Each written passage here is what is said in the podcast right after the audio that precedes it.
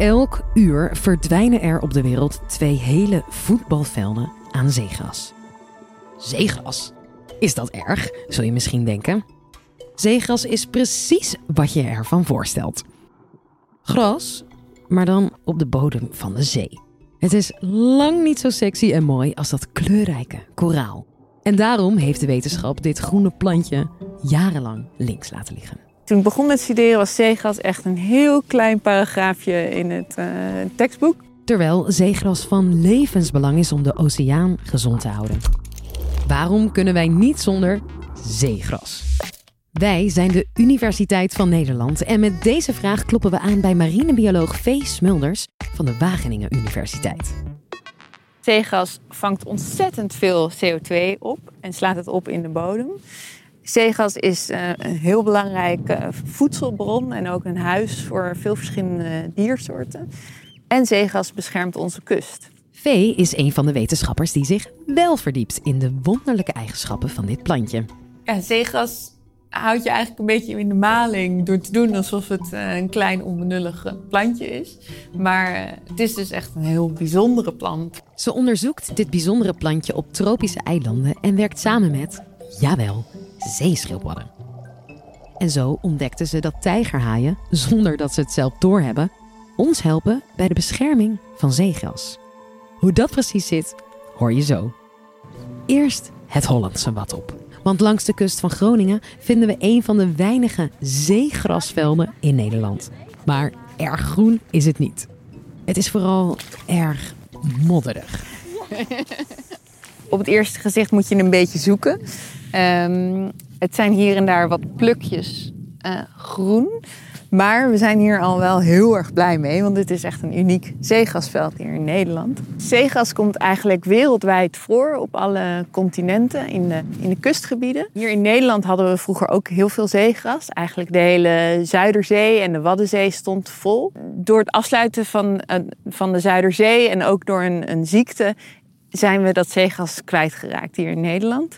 Er zijn nog een paar plekjes die onder andere met hulp van onderzoekers um, het nu weer een beetje goed gaan doen.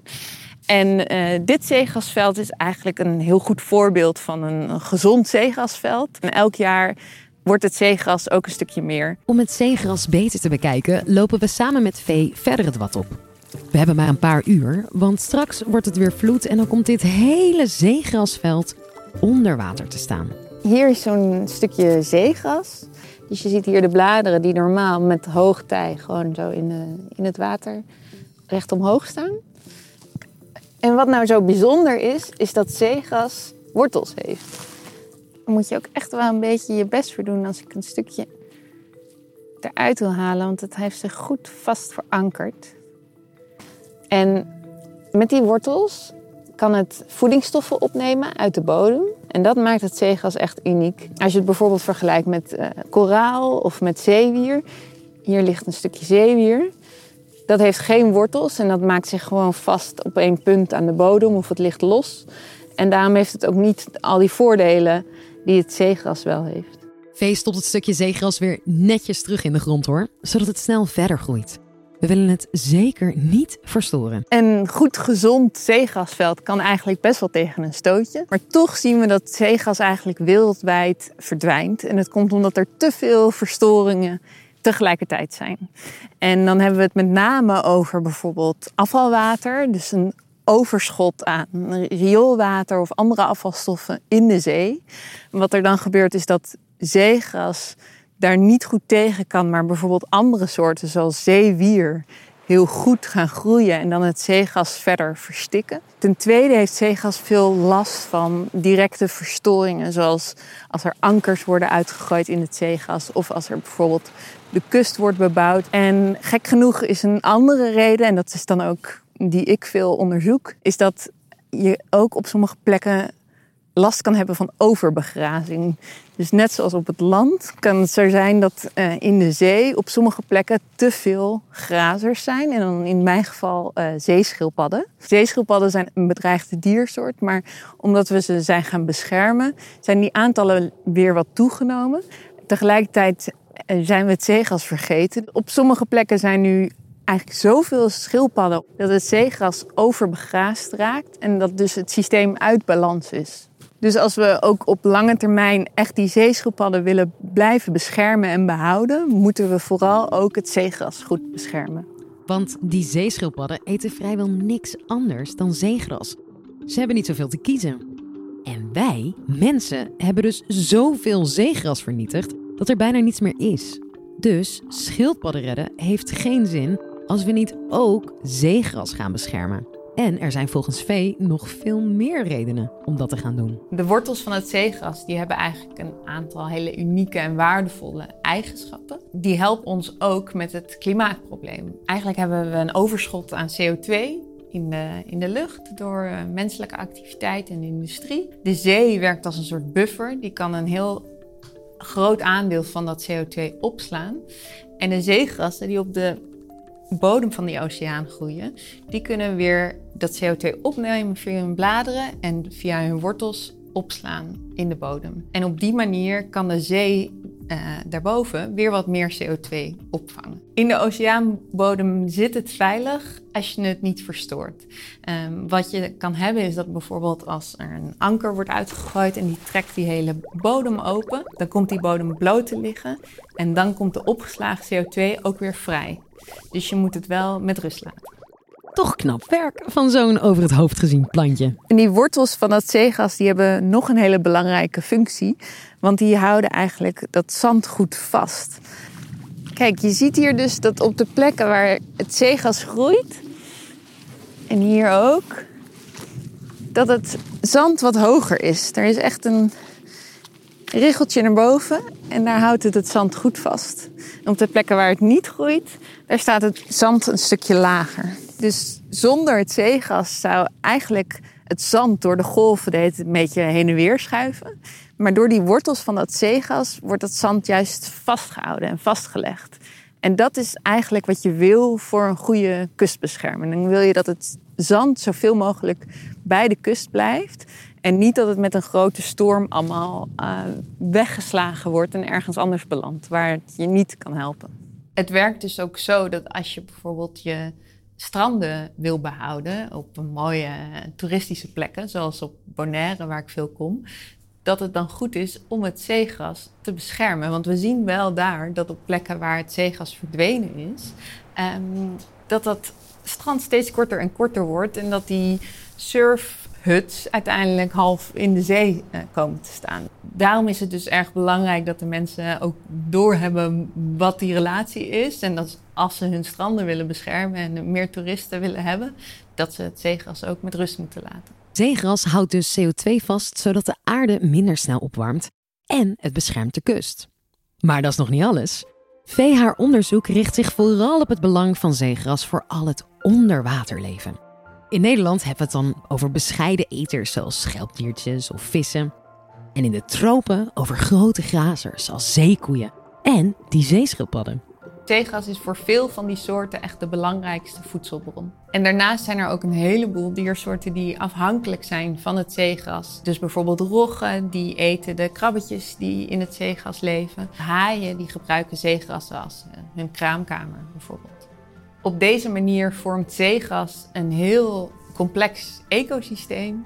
En als het zeegas minder wordt of verdwijnt, dan raakt zo'n heel ecosysteem uit balans. En op Bermuda, waar dus eigenlijk te weinig zeegas nog is voor die schildpadden, zie je echt dat die schildpadden helemaal vermagerd zijn. En ja, die zijn echt zo'n ingevallen buik. Uitgehongerde zeeschildpadden op Bermuda.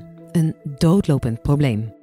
Als er niets verandert daar, sterft het zeegras uit en daarmee ook de zeeschildpad. Vee onderzoekt of er een uitweg is, maar om die te vinden moet er nog veel kennis verzameld worden over hoe het nou allemaal samenwerkt daar onder het wateroppervlak. Wie die kennis opduikt? De zeeschildpad. Bewapend met een onderwatercamera van Vee. Het zullen je collega's maar zijn. Dit zijn camera's die we via zuignappen kunnen plakken op de zeeschildpadden. En hiermee willen we eigenlijk direct zo over de schouder van uh, dat beest mee kunnen kijken. We kunnen dus ook bijvoorbeeld nieuwe zeegrasvelden gaan ontdekken, omdat uh, de zeeschildpadden ons daarheen kunnen leiden. Vee onderzoekt het effect van de zeeschildpadden op het zeegras. Meestal biedt de natuur wel een uitweg. Daarom bouwt ze betonnen kooien onder water over het zeegras heen. Hier kunnen zeeschildpadden niet bij.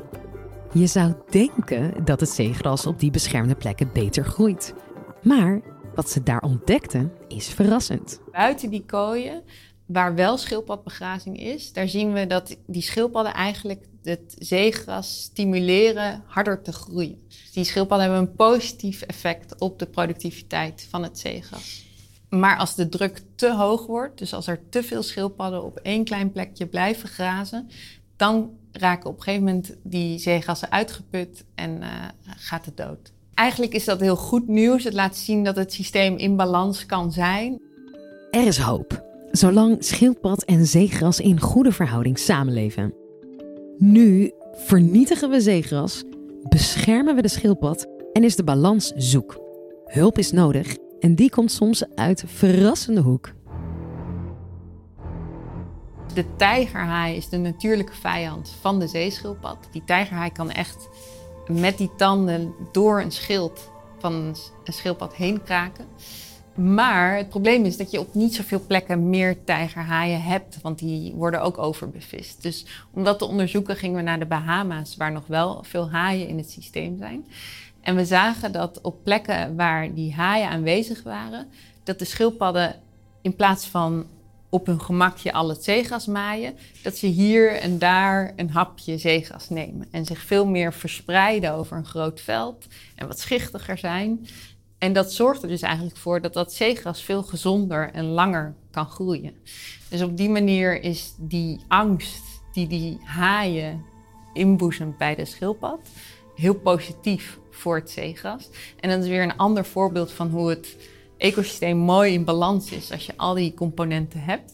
Maar als je de haaien eruit haalt, dan krijg je misschien wel wat overbegrazing hier en daar door de schildpadden, omdat ze te relaxed zijn. Jammer dat de mens die perfecte balans verstoort. Het is aan ons om met oplossingen te komen. Als het ons lukt om het zeegas te beschermen en ook te herstellen, dan hebben we straks een mooiere oceaan en hebben we ook wat extra power om het klimaatprobleem tegen te gaan. En genoeg voedsel voor een heleboel mooie diersoorten, zoals zeeschildpadden. Maar dan moet zeegas wel de aandacht krijgen die het verdient. Dankjewel, Vee. Volgens mij heb ik in mijn leven nog nooit zo vaak het woord zeegras gezegd als in de afgelopen 10 minuten. En ik denk dat er veel mensen spontaan fan zijn geworden van dit belangrijke plantje. Ja, het is echt gras. Vond je dit nu een leuke aflevering? Abonneer dan en like. Thanks voor het luisteren.